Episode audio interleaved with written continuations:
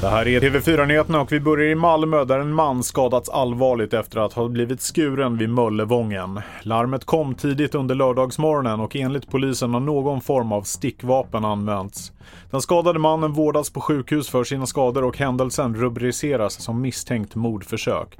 Vi hör polisens presstalesperson Jimmy Modin. Eh, vi har varit på plats under morgonen eh, och så har vi genomfört en teknisk undersökning. Ska vi se vad den ger och sen så kommer vi också såklart att titta på eh, om det finns någon övervakningskamera i närheten som kan ha fångat delar eller hela händelseförloppet där och se om det finns någonting vi kan jobba vidare med där.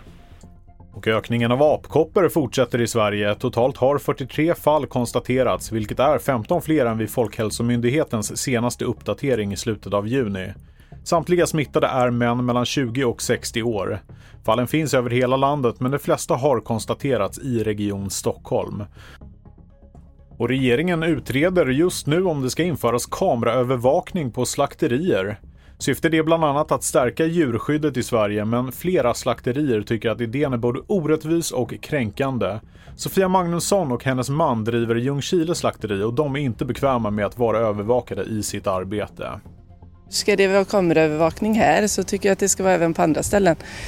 Där man tar hand om människor till exempel. Alla äldreboenden, sjukhus, eh, ja sådana saker. Och miljardären Elon Musk meddelar via sina advokater att han drar sig ur köpet av Twitter. Detta eftersom företaget enligt Musk inte velat svara på frågor om hur många Twitterkonton som är fake eller spam.